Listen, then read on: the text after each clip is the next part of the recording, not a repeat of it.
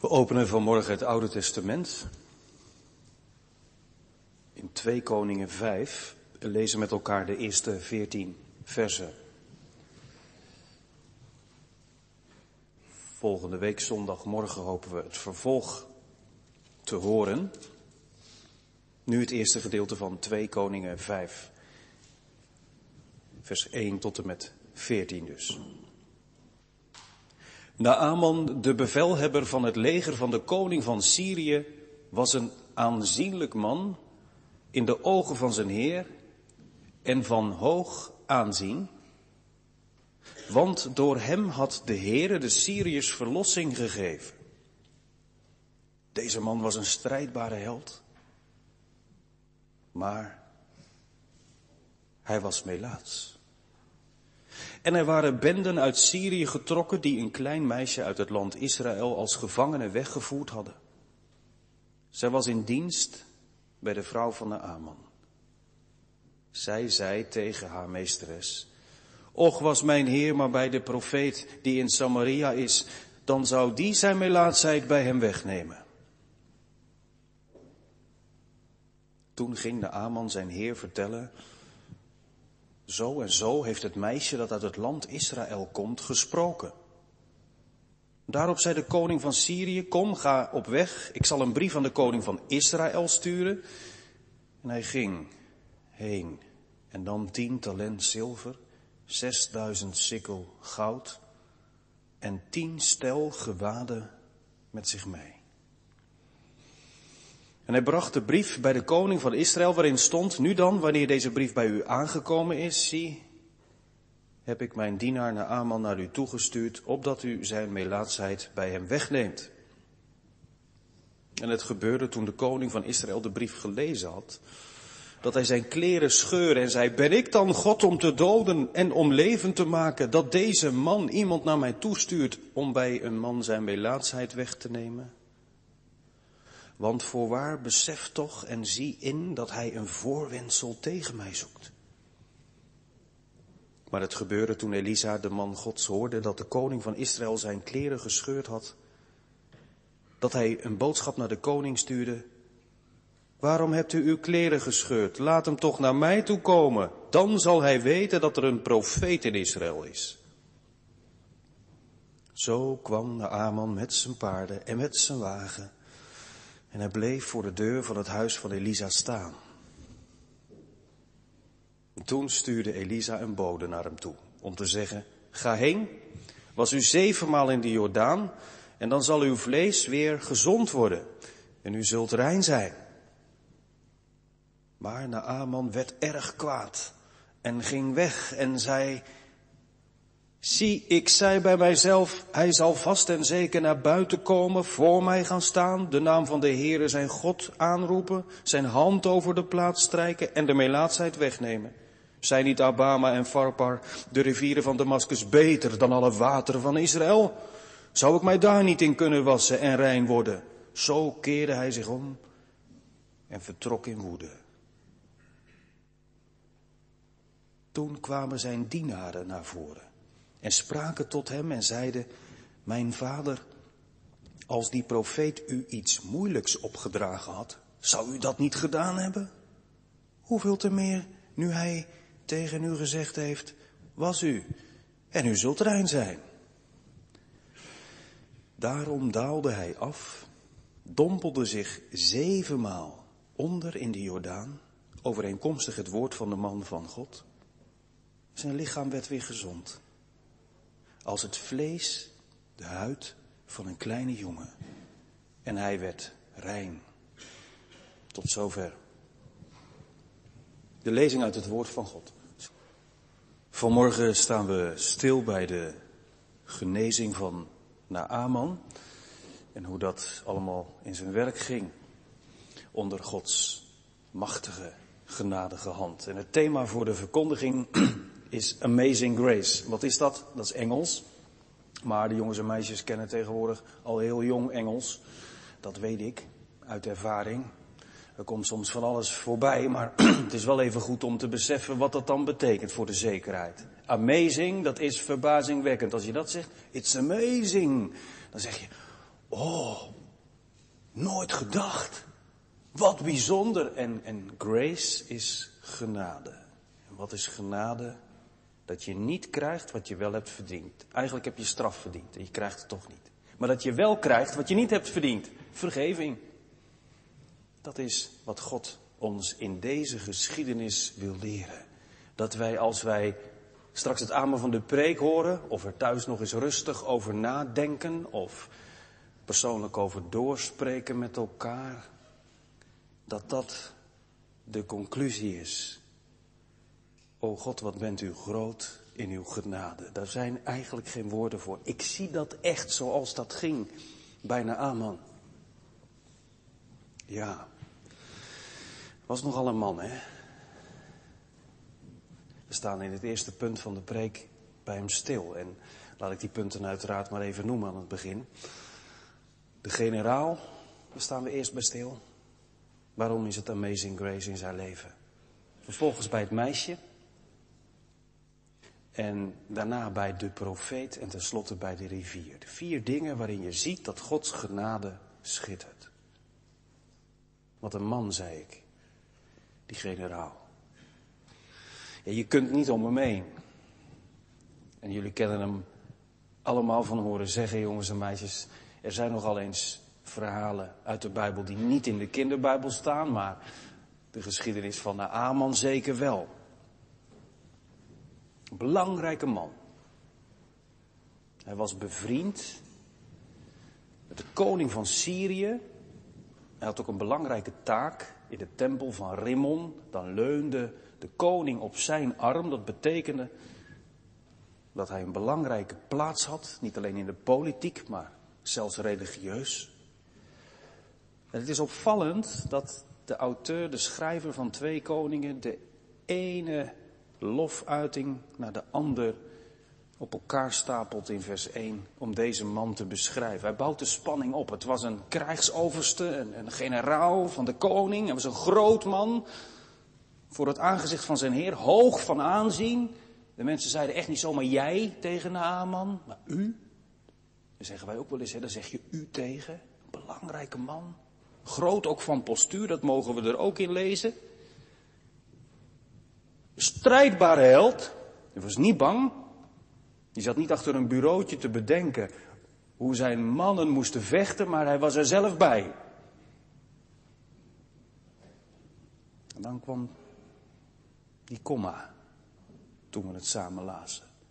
Maar, maar, ondanks dat alles, waar je van onder de indruk bent, waar je tegenop kijkt,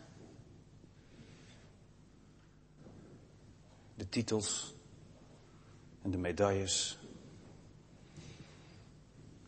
Hij was Melaats.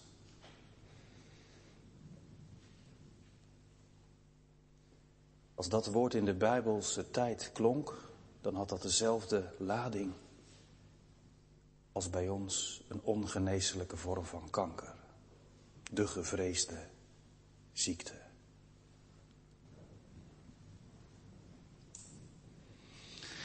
Het werd ook wel huidvraat genoemd.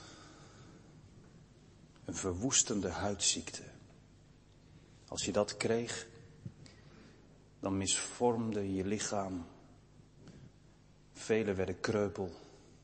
Er was geen medicijn voor. En je stierf. En de mensen die wilden eigenlijk niet meer nadat je gestorven was naar je kijken. Zo wilden ze je niet herinneren. En in Israël had het nog een extra lading. Je mocht namelijk niet meer bij andere mensen zijn. Altijd in quarantaine, altijd. Je mocht eigenlijk niet meer naar de tempel. Je was onrein. Voor Naaman zal dat wat anders hebben gelegen. Anders was hij niet op reis gegaan. Anders had hij niet zoveel mensen bij zich. In Syrië lag dat wat anders. In ieder geval, hij komt naar Israël. Maar hoe, jongens en meisjes? Hoe?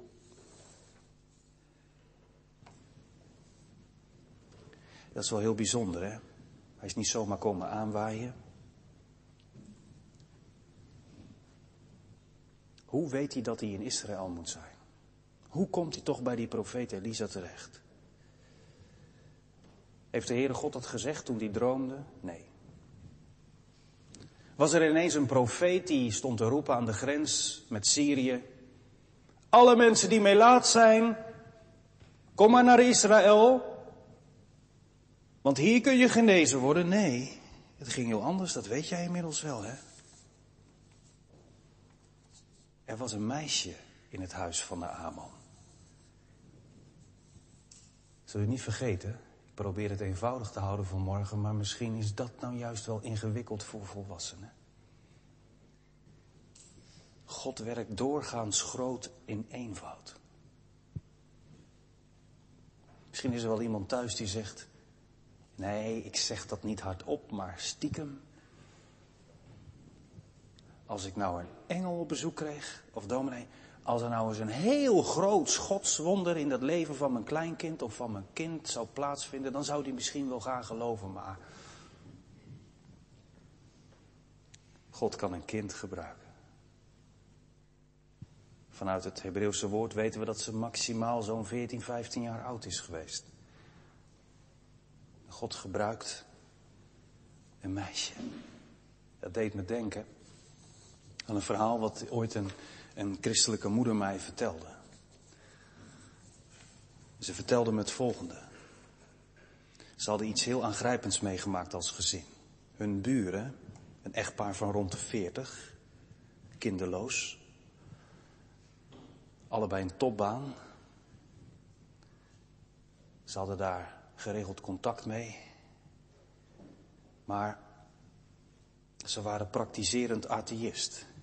Dus niet zo van, nou, ik weet het niet of er een God bestaat, ik doe er verder ook niks mee. Nee, ik weet zeker dat hij er niet is. Kan ik bewijzen. En zo leef ik ook dan. En dan zul je van de Heer Jezus houden en van de Heere God. En je ziet dat die mensen niks met hem hebben. Die zeggen dat hij niet bestaat. Terwijl jij denkt, maar, maar dat is toch heel erg. En toen gebeurde het dat die buurvrouw, die niet in God geloofde, kanker kreeg. En dan wordt het nog spannender. Ze wist dat ze ging sterven en ze geloofde niet in God. Dus de kinderen in dat gezin begonnen nog meer te bidden voor die vrouw. En de vader en moeder probeerden erover te spreken, maar het, het, het stuitte op een muur. Als God dan wel bestaat, waarom krijg ik dan kanker? Als hij dan liefde is, waarom laat hij dat dan gebeuren, zei die buurman. Moet kijken hoe mevrouw eruit ziet. Heeft nooit een, vlieg kwaad gedaan. En wat zeg je dan? En wat doe je dan? Die moeder van dat gezin die vertelde, het greep ons vreselijk aan. We proberen onze roeping als christen te volgen. Ze zei, ik heb dat niet nodig, ik heb zo mijn eigen dingen. Ze was zelfs naar Amerika gegaan voor een zware therapie. Ook die hielp niet. En uiteindelijk is ze gestorven en gecremeerd. En dat was het dan. De buren waren heel verdrietig. Geen troost. Oh jawel, Madonna, die gedraaid werd in de plechtigheid voorafgaand aan de crematie, die zong wel een paar troostvolle woorden. Daar waren de mensen door geroerd. Maar dat was het dan. En toen vertelde die moeder, toen we alleen die buurman nog zagen en dachten, wat moeten we nou zeggen zodat hij niet nog bozer wordt? Hoe kunnen we die man nu bereiken? Toen zei ze, ik stond te strijken, het achterkamertje boven. En ons zoontje van tien, die kwam bij me en die zei, mama, zie je hem ook? Wie? De buurman in de achtertuin. Hij zit al een uur daar, mama. En voordat ze als moeder ook maar iets kon zeggen, rende dat ventje de trap af naar beneden. En die moeder zag hem van boven zo door het hekje naar de buren gaan. En die zag hem naast die buurman gaan zitten. Ze stond daar stil te kijken en dacht, wat zou die nou doen? Hopelijk gaat hij het niet over de hel hebben en zo, want kinderen kunnen soms ineens heel radicaal en ook gewoon eerlijk zeggen waar het op staat. Hopelijk heeft hij het dan ook over de hemel en zo zat ze daar te denken. En toen kwam hij weer terug. Ongeveer een half uurtje is hij er geweest. En ze vertelde hoe ze aan hem vroeg: Wat heb je nou gedaan, jongen? Toen zei hij: Ik heb geholpen met huilen. Ik heb geholpen met huilen. En ik heb hem over de Heer Jezus verteld. Hoe heb je dat dan gedaan? Ik heb gewoon gezegd dat ik heel veel verdriet had. Niet alleen dat, dat de lieve buurvrouw gestorven was, maar ook dat hij de Heer Jezus nog niet kende. En dan ben je natuurlijk benieuwd hoe dat afgelopen is. Ja, echt waar. Dat wat in de Bijbel staat gebeurt vandaag nog. Ze zijn de grootste vrienden geworden, dat jochie en die buurman. En die atheïst is door de knieën gegaan, mede door het getuigenis van dit ventje. Hij kon met al zijn wetenschappelijke argumenten het uiteindelijk niet winnen. Hij werd jaloers op het geloofsvertrouwen van dat jongetje. Nou, dat zie je hier eigenlijk ook. In zekere zin. Dat meisje heeft haar baas niet eens gesproken. En sterker nog, het was niet eens een lieve baas. Want anders had hij er toch wel vrijgelaten. Het gaat eigenlijk nog een stapje verder. Als je let op wat Naaman heeft gedaan. Wat hij heeft meegemaakt. En wat zij heeft meegemaakt. Laat ik het maar even gewoon rechtuit zeggen. Je bent 15 jaar. Je bent gedwongen meegenomen. De bendes die toen huis hielden, werden door Naaman niet tegengehouden. Die bendes hadden geplunderd. En zoals bekend vaak ook geroofd. We weten niet of haar vader en moeder en als ze broertjes of zusjes heeft gehad of die nog leefden. In het positiefste geval is zij als enige meegenomen en leven die nog. In het ergste geval zijn ze vermoord of verkracht. En een aanman die denkt op de slavenmarkt, fijn, een hulp in de huishouding. Een meisje met een paar goede handen aan het lijf, die kan mij wel helpen. En dan ben je 15 jaar en dan hoor je ineens een Aman tegen zijn vrouw zeggen: Kijk eens, mijn handen. Het gaat maar niet weg. En een week daarna dan hoor je het, het gaat door het grote huis van de Aman heen. Hij heeft, hij heeft melaatsheid. Hij is melaats. Wat zeg je dan? Die man die ervoor zorgt dat jij niet bij papa en mama kunt zijn. Die man die misschien wel ervoor gezorgd heeft dat papa en mama dood zijn. Dan zeg je toch, Heere God, dat is eerlijk. Yes. Eindelijk. Nee. Terwijl Naaman van haar profiteert, zegt ze tegen zijn vrouw. Als uw man toch in Israël was. Bij de profeet. Dan zou die beter kunnen worden. Wat lijkt dat meisje op de Heer Jezus? Wat de mensen hem ook aandeden. Hij wilde ze helpen. Zelfs als er zo'n bruut naast hem hing aan het kruis. En zei, wilt u aan me denken als u in uw koninkrijk gekomen bent? Toen zei hij, jij mag mee jongen. Heden. Vader vergeef het hun, want ze weten niet wat ze doen. Maar voordat Naaman dat doorheeft, hè. Dat is toch ook wel aangrijpend als ik dat zo lees hier.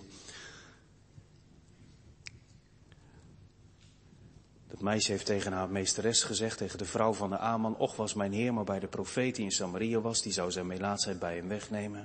En dan staat er ineens in vers 4, toen ging de Aman zijn heer vertellen. Dus blijkbaar heeft die vrouw dat doorverteld.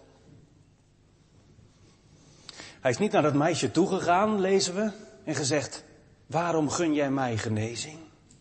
Wat bezielt je toch, kind?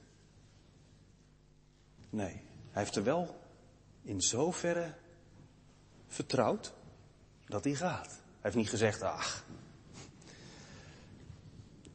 komt dat kind nou mee aan? Moet ik zeker voor naar Israël toe? Hebben we hier onze eigen geneeskundige niet? Nee, hij heeft er toch door Gods genadige hand in toegestemd. Opvallend, hè? Als je Gods genade wilt leren kennen, denk dan niet alleen maar dat je heel erg omhoog moet kijken. Dat je moet wachten op hele bijzondere dingen. Zelfs Naaman, die hier nog helemaal niet doorheeft wat er allemaal gaande is, komt wel in beweging. Hij gaat eerst naar zijn eigen koning. En die koning schrijft een brief, want zo gaat dat, hè? Als je titels hebt en medailles draagt, als je leven zo in elkaar steekt dat je gewend bent om met geld en met relaties problemen op te lossen. In deze hogere regionen in Syrië wordt het wel even bedisseld. Als je dan echt beter moet worden, dan moeten we het goed aanpakken. Zij neemt een brief mee van de koning. Aan de koning van Israël gericht. En dan staat er zilver, 6000 sikkelen gouds en 10 stel gewaden. Dat is geen casual kleding, maar dat zouden wij noemen gala kostuums. Dat is kleding eh, die je voor een bijzondere gelegenheid aantrekt. Dure kleding. En als je dat bedrag vandaag zou moeten uitdrukken, zoveel zilver en zoveel goud, dan gaat het over miljoenen. Miljoenen.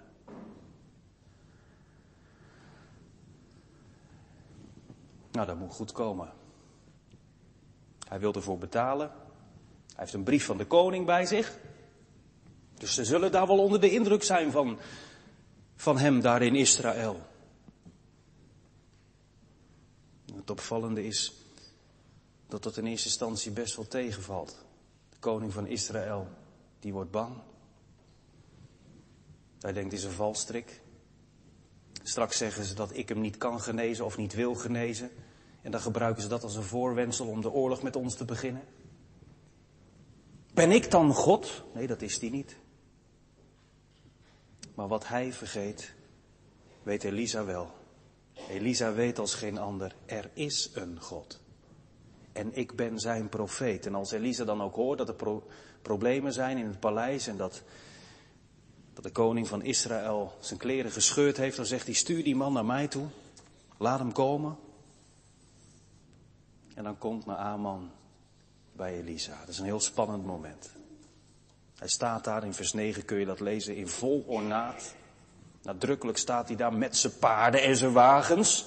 En natuurlijk dat heel veel, heel veel geld. En die kleding.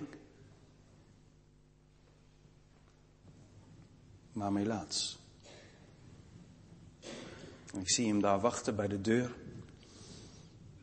En wat gebeurt er dan? Die generaal die het meisje al heeft ontmoet, ontmoet nu de profeet van God. En dan sta je daar met hooggespannen verwachtingen. Dit schijnt dan die man te zijn waar ik het van moet hebben. En dan zegt Elisa, oh, is de generaal er? Kijkt hij naar zijn knecht en zegt, ga jij even naar hem toe.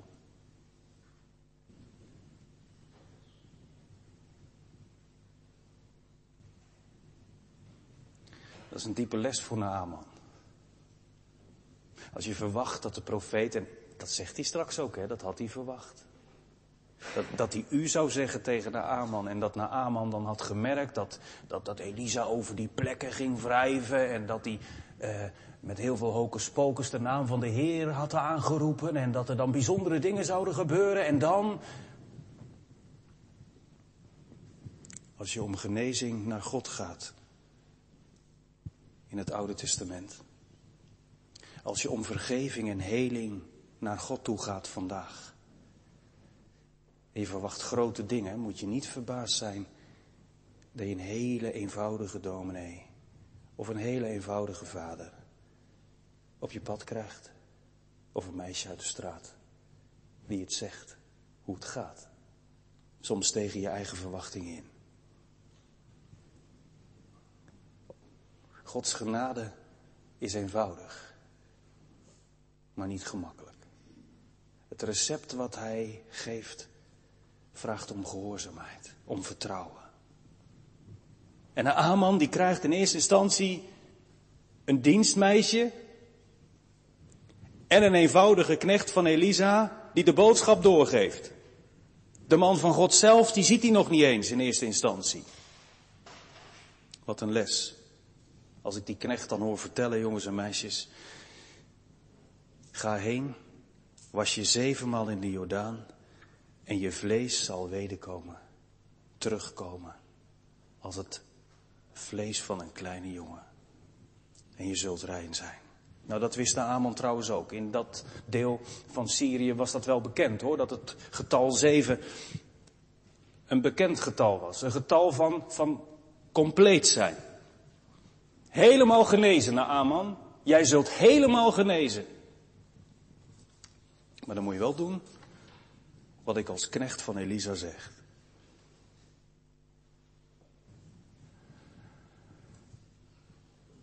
Hoe is dat bij ons?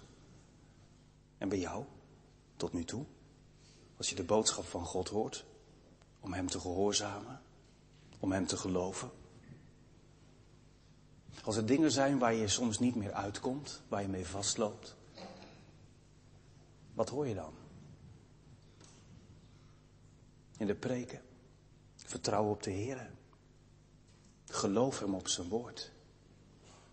Dat is soms moeilijk, hè? Dat is moeilijk als je zelf had gedacht dat het anders zou gaan. Hoor maar. Wat doet Naaman? Zegt hij, dank u dat ik er niet voor hoef te betalen. Nee. Wat zegt hij tegen zijn knechten, terwijl ze heel snel naar de Jordaan gaan? Wat een voorrecht, hè? Dat het zo eenvoudig blijkt te zijn. Ik kan binnen een uur helemaal genezen zijn. Nee, hij wordt boos. Echt boos. En hij zegt, zie, ik zei bij mezelf, dan heb je het wat ik zei. Hij, die man van God, Elisa, die zal vast en zeker naar buiten komen. Zie wel, daar is hij in zijn trots geraakt. Ik word afgedankt met een knechtje. Kijk, als Elisa het nou zelf had gedaan, dan. Nee, God wil dat Naaman dingen leert. Maar Naaman is een, is een, ja, een moeilijke leerling trage leerling. Dat geeft niet hoor. Als je een trage leerling bent, als je maar een goede onderwijzer hebt, die weet wel wanneer jij het dan snapt. Die is geduldig. En die laat als jij soms zegt, ik stop ermee hoor, ik, ik, ik, ik, ik kan dat toch niet zoals anderen. Die laat jou niet zomaar gaan. Naaman zegt, ik dacht bij mezelf, ik, ik zei het zelfs. Hè. Hij heeft het gewoon zitten repeteren op dat paard onderweg naar Israël. Dan zal het wel zo gaan en dan zal het wel zo gaan. Soms gaan mensen zo ook naar de kerk. En dan zal ik dit moeten meemaken en dan zal ik dat moeten meemaken. En dan zal dat moeten gezegd worden en dat. En dan blijkt het ineens zo eenvoudig te zijn. Dat je boos wordt. Je zegt, nee, maar zo gaat het niet. Het had toch wel met al die bijzondere tekenen gepaard moeten gaan. Nee, nee, dan zegt Naaman, als er dan toch gewassen moeten worden, Neem dan Abana en de Farpar, de rivieren van Damascus. Geweldig. Maar die Jordaan, die in het buitenland bekend stond als een modderstroom. Als je je daar nou in gewassen, dan word je toch niet beter van. Dan staat er iets heel aangrijpends. Hij keerde zich om en vertrok in woede. Hij keerde zich om en vertrok in woede. Soms kun je daar verbaasd over staan, als je mensen kent in je familie, of als je die persoon in je eigen hart herkent. Of op je werk, in de vriendenkring, als het over geloof gaat. En je probeert dat eenvoudige getuigenis door te geven. Als je onze God wil leren kennen, de God die wij dienen, dan vraagt hij dit en dat van je. Dan mensen zeggen nee. Als er dan al een God is, dan zal die het zus en zo doen. En dat mensen in hun boosheid, ja, weggaan. Afhaken. Deur achter zich dichttrekken. En je denkt, wat moet ik nou dan doen? Aangrijpend, hè? ook als je merkt dat mensen liever gewoon eerlijk verloren gaan, zo zeggen ze dat dan in zekere zin. Dat ze gewoon verloren willen gaan, terwijl ze behouden kunnen worden. Dat deze man liever doodgaat dan het recept van God probeert. Dat is eigenlijk aan de hand. Wonderlijk, dat meisje hoefde alleen maar te zwijgen en dan ging die eraan. Ze had alleen gewoon niets moeten zeggen. Dan was die aartsvijand van Israël gestorven. En zij, zij spreekt. En deze man, die genezen kan worden, heeft zijn hoogmoed en zijn eer en zijn eigen denkbeelden liever dan het leven. Liever ziek naar huis met de dood als gevolg dan God gehoorzamen. Hij keerde zich om en vertrok in woede. En dan? Een grote stem uit de hemel. Wat maakt gij hier, Naaman?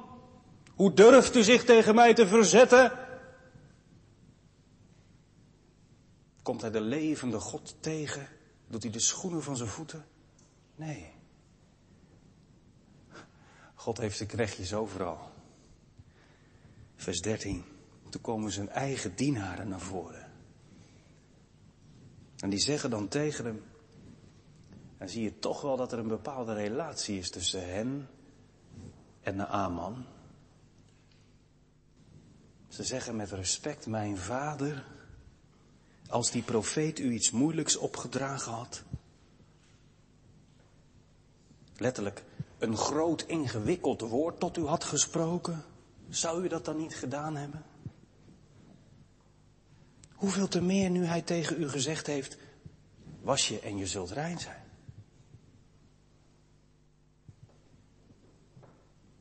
Als u zich herkent in die knechten, houd moed. Houd moed. Als je vastloopt en denkt, ja, wat is hier nog tegenin te brengen? Als mensen een bepaald patroon van denken hebben van als God dan bestaat, dan moet hij het zo doen in mijn leven en anders ben ik weg. Probeer op de relatie, mijn vader, mijn jongen, mijn zoon, mijn dochter, hey, buurman, lieve collega.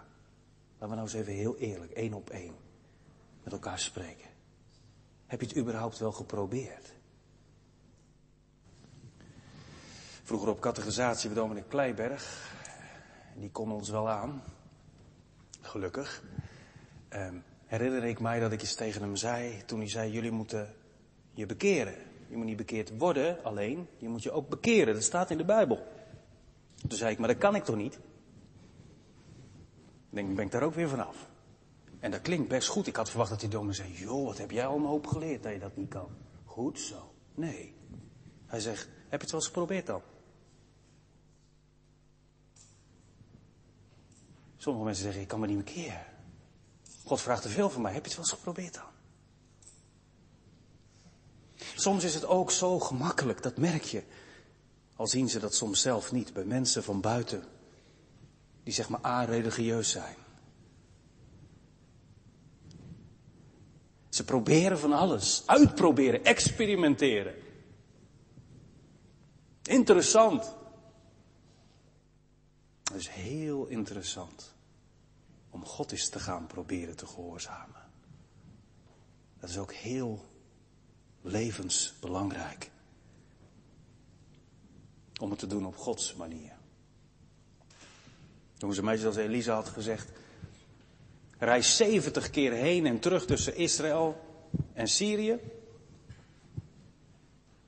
Bij wijze van spreken, dan had hij het gedaan, zeggen die knechten. Maar waarom nu niet? Ik vind het wel bijzonder, hè? Als je dan vers 14 leest. Daarom daalde hij af. Zo eenvoudig kan het gaan. Het wordt heel uitgebreid beschreven. Hè? Allerlei details komen voorbij. Maar het moment dat Naaman gaat gehoorzamen is heel kort. En vaak zijn dat de langste gedeeltes in een preek. Zijn dat de dikste dogmatische boeken geworden. Dingen waar de Bijbel heel kort over is of over zwijgt hebben wij heel ingewikkeld gemaakt.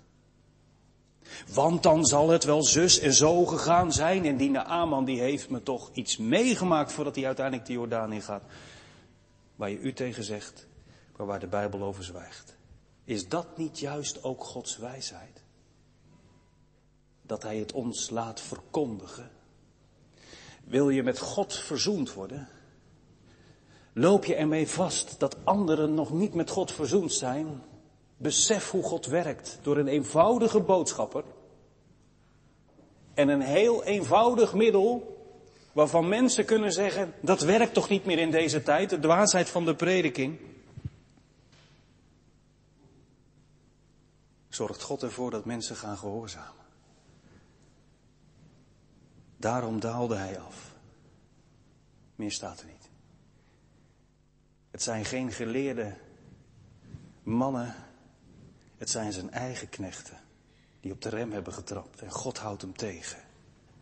En hij doet wat hem is opgedragen. Hij dompelt zich zevenmaal onder in de Jordaan. Ik heb me dat als kind altijd maar zo voorgesteld. Ik denk dat is me toch als een sneltrein gegaan. Maar dat weet ik niet.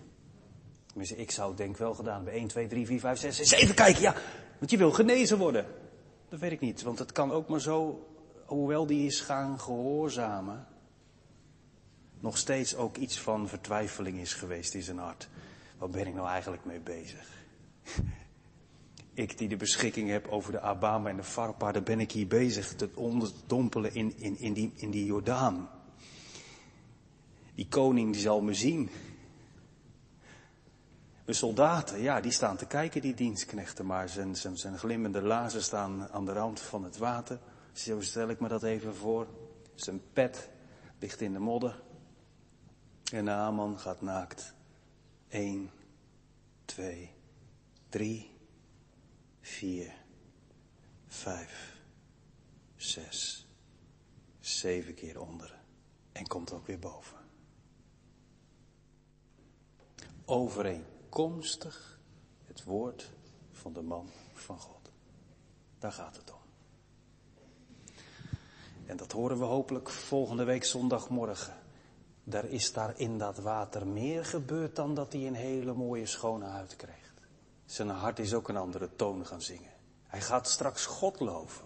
En hij gaat God lovend naar huis. Zo werkt de Heer. Zo eenvoudig. Gelooft in de Heer Jezus Christus en je zult zalig worden, klonk het met Pinksteren. En de een naar de ander gaf er gehoor aan. Ja, zegt iemand tot slot. Maar u betrekt wel het nu op de vergeving van de zonde en de bekering. Maar ja, ik weet wat je wil zeggen. En ik weet dat dat ook een argument kan zijn voor jongeren. Ik herken dat zo. Nog steeds hoor. Is niet dat ik dat gehad heb. Die lastige vragen. En, en, en als je vandaag dan ongeneeslijk ziek wordt. Is het dan ook zo eenvoudig? Neem een bad en dan ben je beter. Waarom gebeurt dat vandaag niet meer?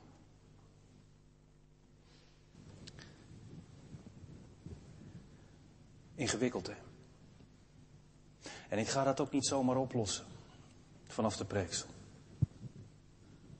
Wat ik wel weet is dat iedereen die God leert vertrouwen en beseft dat hij vandaag niet meer zoals in de tijd van Jezus, in de tijd van het Oude Testament, zich bekend maakt alleen maar door wonderen. Maar die ook weet, God bedient zich van een boodschapper die gericht is op mijn allergrootste probleem, dat is mijn zondeprobleem. En daarna leert zien, ik vertrouw hem daarop, dat ik niet altijd krijg waar ik om vraag. Als het gaat over genezing, als het gaat over voorspoed, als het gaat over tegenspoed. Maar dat ik wel altijd krijg wat hij belooft. Hij belooft niet iedereen beterschap.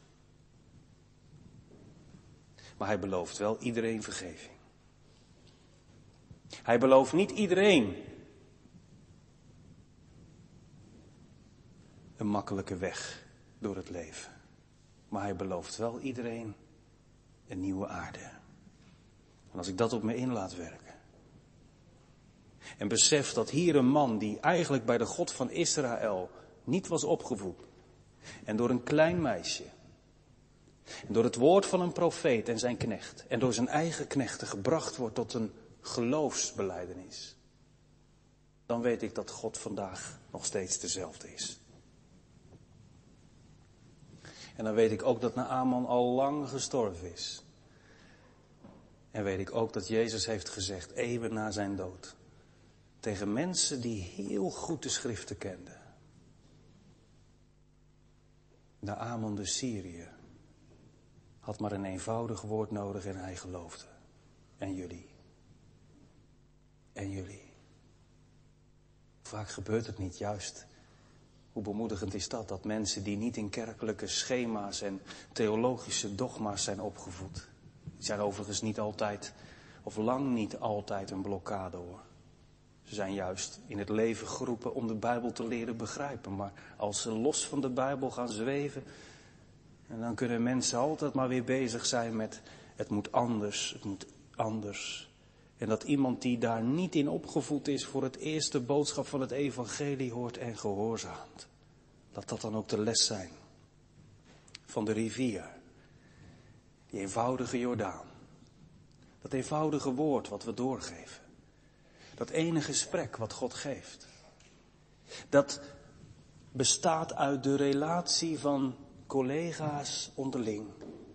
Ouders en kinderen, predikanten en gemeente, ambtsdragers, buurman in de wijk. Dat ene eenvoudige gesprek. En dan ben ik weer terug bij dat jongetje, daar ga ik de preek ook mee eindigen, jongens en meisjes. Dat je aandacht hebt voor die ander en beseft, wat moet die verdrietig zijn. Zoals die jongen dat zag bij zijn buurman.